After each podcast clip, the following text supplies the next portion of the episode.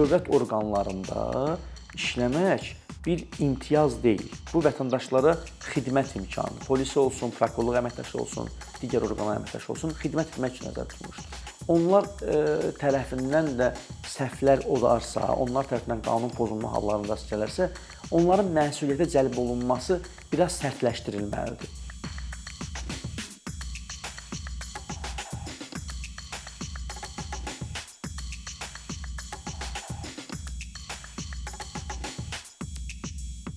Dünyada polis orqanları ictimai təhlükəsizliyin e, qorunması, ictimai qaydanın e, təmin olunmasında e, bir nömrəli rol oynayan orqanlardır. Biz bu gün Azərbaycan qanunvericiliyində polis haqqında danışacağıq. Ümumiyyətlə Azərbaycanda polis orqanları haqqında və qonağımız hüquq elmləri doktoru professor Sirius Vəkil Bürosunun müdiri Sübhan Əliyevdir. Sübhan müəllim, xoş gəlmisiniz. Çox sağ olun Aşıq xanım. Dəvətiniz üçün sizə öz təşəkkürümü bildirirəm. Ümumiyyətlə polisin davranış qaydaları, polis orqanının davran polislə polis əməkdaşlarının davranış qaydaları necə tənzimlənir və bunu onların davranış qaydalarına necə nəzarət edilir? Hansı nəzarət mexanizmləri var? Belə birinci sualım bu olacaq. Polisin fəaliyyəti polis haqqında qanunla tənzimlənir və polis haqqında qanunda polisi əməkdaşının fəaliyyət istiqamətləri göstərilmişdir və polisin fəaliyyət istiqamətləri həddindən artıq çoxdur. Yəni bildiyimiz kimi Azərbaycan Respublikasında mövcud olan orqanlar arasında belə deyərdik, fəaliyyət istiqaməti, vəzifə baxımından ən geniş səlahiyyətlərə malik olan qurumlardan biri də, bəlkə də birincisi elə polis orqanları. Çünki polisin müxtəlif istiqamətlərdə fəaliyyəti mövcuddur. Məsələn, elə biri ictimai qaydanın qorunmasıdır, sonra ictimai təhlükəsizliyin təmin edilməsidir, yol hərəkəti təhlükəsizliyinin təmin olunmasıdır, sonra mühafizə fəaliyyətinin həyata keçirilməsidir. Yəni və digər e, narkotiklərlə mübarizə olsun, insan əleyhinə qarşı mübarizə olsun. Yəni bu kimi fəaliyyətləri var. Buna uyğun olaraq da polis orqanlarında yəni müxtəlif idarələr var. Hər sahə üzrə idarələr mövcuddur və fəaliyyət göstərir. Ümumi mexanizm olaraq isə müxtəlif qanunvericilik aktlarında polisin deməli polisə nəzarət üçün ayrıca qanunlar da mövcuddur bizdə. Məcəllələrdə də bu hala rast gəlmək olar. Məsələn, bu gün bildiyimiz kimi polisin əsas fəaliyyət göstərdiyi iki məcəllə mövcud var. İnzibati xətalar məcəlləsi və cinayət məcəlləsi. Zamanda cinayət prosessual məcəllələri də o cinayət məcəlləsinə uyğun olaraq da deməli cinayət törətmiş şəxslərin məsuliyyətə cəlb olunması, cinayət işinin başlanması, aparılması, e, baxılması, yenidən baxılması bu kimi hallar da cinayət prosessual məcəllələri tənzimlənir. E, polis e, bunları edərkən deməli onların fəaliyyətini təbii ki, nəzarətdə nəzərdə tutulmalıdır və hər iki dediyimiz kimi məcəllədə bu nəzarət mexanizmləri mövcuddur. Ümumi olaraq qanun verici müəyyən etmişdir ki, hər hansı bir polisin fəaliyyətinə nəzarəti həyata keçirsin yuxarı vəzifəli şəxs və məhkəmə. Yəni bu gün polis orqanlarından narazı qalan hər hansı bir şəxs, məsələn, polisin qəbul etdiyi hansısa bir qərardan olsun, hansısa bir aktdan olsun, narazı qalan şəxs e, hətta qanunda göstərilmişdir ki, yuxarı vəzifəli şəxsə və ya məhkəməyə müraciət edə bilər. E, vətəndaşlar da eyni zamanda bunun e, hər iki yolu birini seçə bilərlər, amma məsələn qanun olaraq bizdə müəyyən olunmuşdur ki, məsələn, birini deyəcəm, inzibati xəta törətmiş şəxslə bağlı protokol tərtib olunur. Sonra o protokola yuxarı vəzifəli şəxs baxaraq qərar qəbul edir. Həmin qərardan yenə də daha yuxarı vəzifəli şəxsə şikayət etmək və ya məhkəmə müraciət etmək hüququ vardır. Və mən hətta hər zaman bu vəkilliyə qəbul olunanlara təlim keçərsəm, mən onlara bunu da bildirirəm ki, məsələn bizdə vəkillər səhvə yol verirlər. Polisin qəbul etdiyi protokoldan məhkəməyə şikayət edirlər. Bu Məhkəmə də bunu geri qaytarır ki, yəni protokoldan şikayət etmək deyə bir mexanizm yoxdur. Yəni protokola baxmalıdır yuxarı vəzifəli qərar qəbul etməlidir. Ondan sonra məhkəməyə şikayət olunmalıdır və yaxud da daha yuxarı vəzifəli şəxs.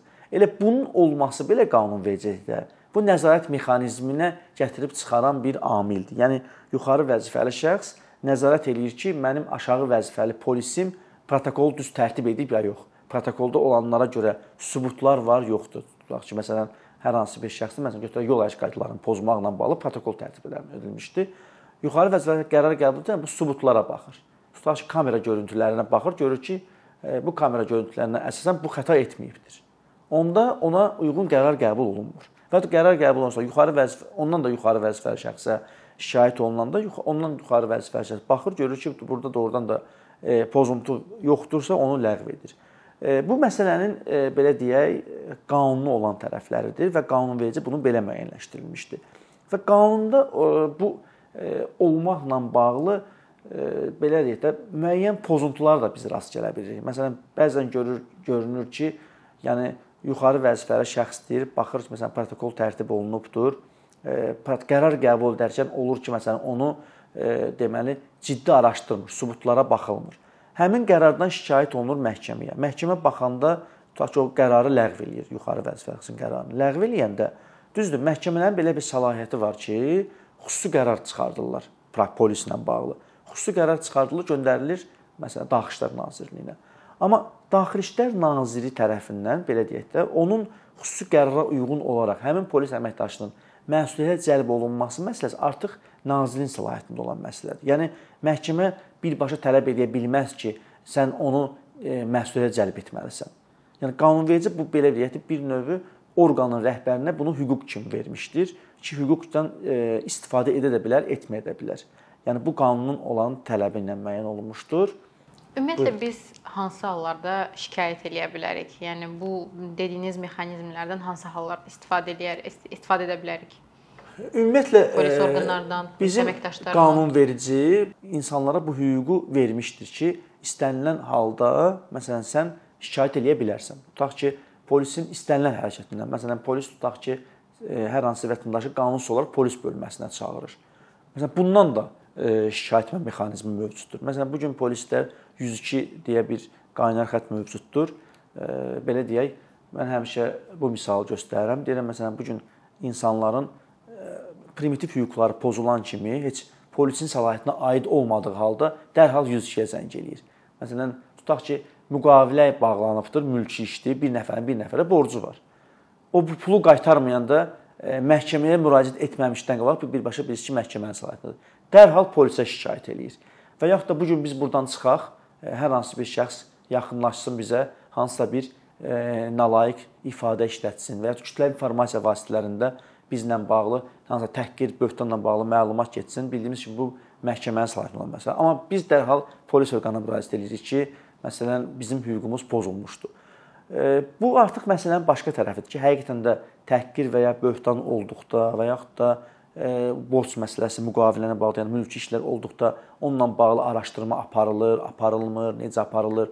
Yəni bu bu da qanunvericiliyin tənzimlənir. Bu gün Cinayət Prosessual Məcəllələrimizin 449-cu maddəsi mövcuddur ki, bu məhkəmə nəzarəti adlanır. Məhkəmə nəzarəti qaydasında əgər hər hansı bir cinayət işi ilə bağlı cinayət işi başlanmadıqda həmin orqana məhkəmə nəzarəti qaydasında müraciət olunur ki, niyə nə üçün cinayət işi başlanmamışdır? Və yaxud da tutaq ki, hər hansı bir şəxsə polis polis idarəsində işgəncə verilmişdi məsəl üçün və yaxud da ona qarşı hansısa bir təzyiqlər olmuşdu. Bununla bağlı müraciət olunur məhkəmə nəzarəti qaydasında məhkəməyə və məhkəmə onun onunla bağlı dedik ki, qərar qəbul edə bilər və yaxud da digər polisin fəaliyyəti ilə bağlı məhkəmənin belə bir qərar qəbul etmə səlahiyyəti mövcuddur. Dediyim kimi, məsələn, polis amma məsələn biz polisin tutaq ki, hansısa bir qaydanı pozması ilə bağlı onun məsuliyyətə cəlb edilmə məsələsinə baxsaq isə, e, o artıq başqa məsələ demə hesab olunur. Yəni birinci polisin biri var hərəkət və ya hərəkətsizliyi ilə bağlı və ya da qəbul etdiyi, yəni qərarlarla bağlı və ya da qəbul etmədiyi qərarlarla bağlı olan mübahisələr var ki, dedi ki, buna yuxarı vəzifəli şəxs məhkəmə qaydasında baxılır. Bu məsələ ilə bağlı bu cür tənzimləmə aparılır. Amma ondan da başqa məsələn ola bilər ki, tutaq ki, mən bu fikrimlə bildirmək istəyirəm ki, yəni mən ümumi olaraq bunu deyirəm. Bu gün hamı da onu təsdiq eləyər ki, Azərbaycanda polis əməkdaşlarının sayı digər orqanların əməkdaşlarının sayından çoxdur. İstər-istəməz o mümkün deyil ki, məsələn, bir orqanda 40 min, 50 minə yaxın, 40 mindən çoxdur polis əməkdaşlarına sahib bu gün Azərbaycanda bir orqanda 40 mindən çox əməkdaş işləyirsə, o 40 min əməkdaşın arasında səhv edən də olacaqdır, qanunsuz qərar qəbul edən də olacaqdır və yaxud da qanunsuz olaraq müəyyən hərəkətsizliklə məşğul olan şəxslər də olacaqdır. Biz yəni bunu məhkəmə prosesində dəfələrlə rastlaşırıq. Məsələn, siz də vəkillik fəaliyyətində görürsüz ki, məsələn, polis cinayət işi başlayır, adama ittiham verilir, iş gedir məhkəməyə, şəxs məhkəmədə bəraət alınır. Yəni məlum olur ki, bunun cinayət işi həmin şəxs cinayət törətməmişdir. Bəs o zaman o işi aparan müstəntiqlə bağlı ya o işi bu polis orqanlarında olan müstəntiq də ola bilər, prokurorluq orqanında ola bilər. Həmin şəxslə bağlı hansı tədbir görülür? Ya da elə qayıtsaq məsələn inzibati xəta haqqında protokol tərtib edilir, sonradan ləğv olunur. Bəli. Onu tərtib edən polis əməkdaşı ilə bağlı hansı tədbirlər görülür? Belə deyək, bizim qanunvericiliklə konkret elə bir normalar müəyyən olunmayıb ki, polis olsun, lap polis deməyəcək, prokurorluğun müstəntiqi olsun, ya digər orqanın müstəntiqi olsun, cinayət işini düz aparmamışdır. Məsələn, bizim də praktikada, məsələn, mən elə buna oxşar bir misal deyəcəm. Gömrüklə bağlı məndə bir iş var idi. Gömrük əməkdaşları cinayət işini başlamışdı, iş getmişdi məhkəməyə. Birinci instansiya məhkəməsi adama 9 azaddan məhrum etmə cəzası vermişdir. Apellyasiya məhkəməsi buna bəraət verdi. O hətta bir neçə ay həbsdə qalmışdı ondan bağlı. Ali məhkəmədə bəraəti qüvvədə saxladı. Deməli burada bu proses dövründə hətta birinci instansiya məhkəməsinin hakimi səhv etmişdir. Ona qədər e, gömrük müstəntiqi səhv etmişdir. Amma biz gəlin görək o hadisəyə görə gömrük müstəntiqi məsuliyyət cəlb olundumu? Cavab verəcəm. Çünki bir mexanizm yoxdur. Mexanizm yoxdur. Bir şikayət edəndə nə olur? Biz şikayət edəndə qanun olaraq müəyyən olunmuşdu ki, onun şikayətinə yuxarı vəzifəli şəxs baxaraq onu məsuliyyət cəlb eləyə bilir. Polis haqqında qanunda dediyim kimi, bunu insan məsuliyyət cəlb etmənin e, növləri də mövcuddur ki, hansı məsuliyyət tədbirləri vardır. E, lakin bu təcrübədə çox tətbiq olunurmu sualını versəz, biz baxarıq ki, e, elə də çox tətbiq olunmur. Yəni bu da yanaşma bununla bağlıdır ki, yəni həmin o əməkdaş çox işə baxdığı üçün, səhv etmə ehtimalı çox olduğu üçün, yəni bunun səhv etməsinə nə nəzərə alaraq bəzən açığı onlara çox da məsuliyyət cəlb olunmur. Yəni biz ona geniş rast gəlmirik. Məsələn, mən bir misal deyəcəm. Bizim mənim icraatımda olan bir işlə bağlı Yasamal rayon polis idarəsi tərəfindən bir deməli şəxs avtomobil idarə edərkən onu avtoxuliqanlıqla etdiyini 511-ci maddə və 535-ci maddə ilə bağlı protokol tərtib olunub göndərilmişdi məhkəməyə ki, buna həbs qəti imkan tələbi seçilsin. İnzibati üzrə inzibati həbs verilsin. Hətta bu həm saxlanılan gün günün axşamı və bir də növbəti gündə şənbə günü belə deyək də 10-da saxlanılmışdı. 6 bazar bildiyiniz kimi istirahət günü oldu. Bazar günü saat 6-da çıxarılmışdı Yasamal rayon məhkəməsinə. Yasamal rayon məhkəməsinin hakimi qərar qəbul edərək bunun heç bir xəta etmədiyini müəyyən edərək bu cür qərar çıxartmışdı. Və bildiyimiz kimi hesablasaq da, yəni sabah 6 bu gün bir gecə, yəni bu adam təxminən 18-19 saat polis e, bölməsində qalmışdı. E, biz bundan sonra müvafiq orqanlara şikayətlər elədik. Yəni bizi bunu qanunsuz olaraq polis bölməsinə aparan, orada saxlayan, buna qanunsuz olaraq sən avtoxuliqansan, sən polisə tabe olmamısan deyən əməkdaşlarla bağlı müvafiq orqanlara şikayətlər elədik. Məsələn, həm Dövlət Yol Polisi İdarəsinə şikayət elədik, onu saxlayan, həm onu aparan postpatrul əməkdaşlarından şikayət elədik. Hər ikisi ilə bağlı icraat başlandı. Yəni icraat araşdırma aparıldı, bizim izahatlara baxıldı, çağırıldı. E, nəticə etibarilə amma heç bir polis əməkdaşı məsuliyyət cəlb olunmadı. Yəni onların məsuliyyət cəlb olunmadı. E, amma araşdırma aparıldı, yəni aparıldı. Araşdırmanın aparılması da hal-hazırda müstəsna səlahiyyətidir Daxili İşlər Nazirliyinin. Bəli, araşdırma nəticəsi araşdırma aparılandan sonra onun məsuliyyət cəlb etmək artıq müstəsna Daxili Nazirliyinin səlahiyyətində olduğu üçün, yəni orqan rəhbərliyi tərəfindən və ya da idarə rəisi tərəfindən müəyyən oluna bilər ki, Yəni deyirəm, bu e, düzdür, pozuntu var. Pozuntu olduğu açıq-aşkar ortada görsənir də. Yəni məhkəmə bunun qərar qəbul edir ki, bu belədir. Yəni pozuntu var, amma onun əməkdaşın məsuliyyətə cəlb olunmaması mən ona belə cavab verirəm. Yəni iş yükünün çoxluğu ilə əlaqələndirirlər ki, bu iş yükünün çoxluğu ilə əlaqədar belə hallar olur. Yəni biz mütəmadi görürük ki, mən yenə deyirəm, mən polisi bu məsələdə ittiham etmək də istəmirəm. Ona görə ki, bu adamlar həqiqətən də məsələn dövlət yol polisi əməkdaşı yolda gündə yüzlərlə sürücüyə saxlayır, protokol tərtib eləyir və s. Amma bu tərəfdən də biz baxsaq, axı onun 19 saat polis tərəfindən saxlanması konstitusion hüququn pozulmasıdır.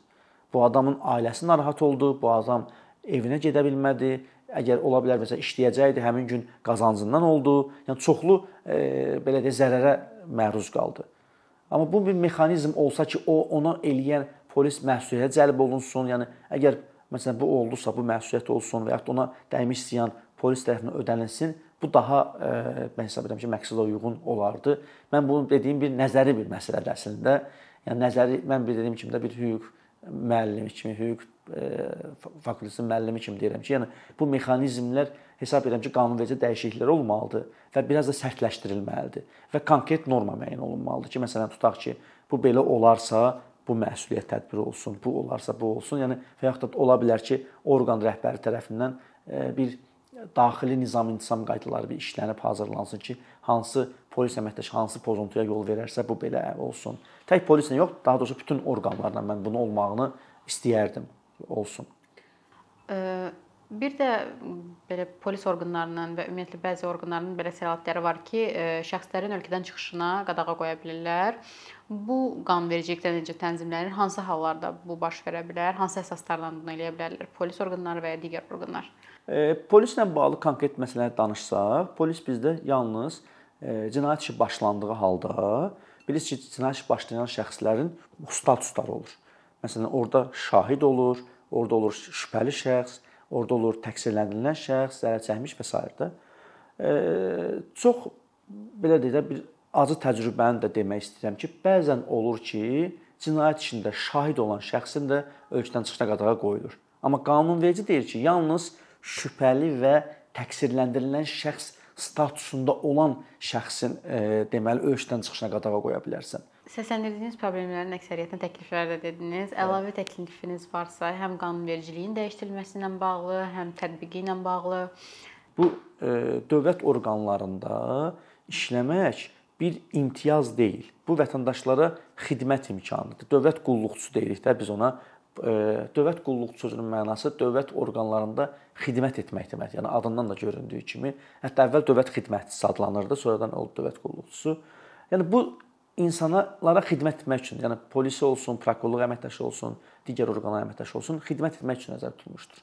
Yəni hesab edirik ki, onlar e, tərəfindən də səhvlər olarsa, onlar tərəfindən qanun pozunma hallarında rast gələrsə, onların məsuliyyətə cəlb olunması biraz sərtləşdirilməlidir yəni sərt tədbirlərin tətbiq olunmasının qanunvericiliyə daxil olunması və eyni zamanda praktik tətbiq olunması olsa, e, mən hesab edirəm ki, bu da bizim dövlətimizdə insan hüquqlarının müdafiəsi baxımından daha da önəmli olardı.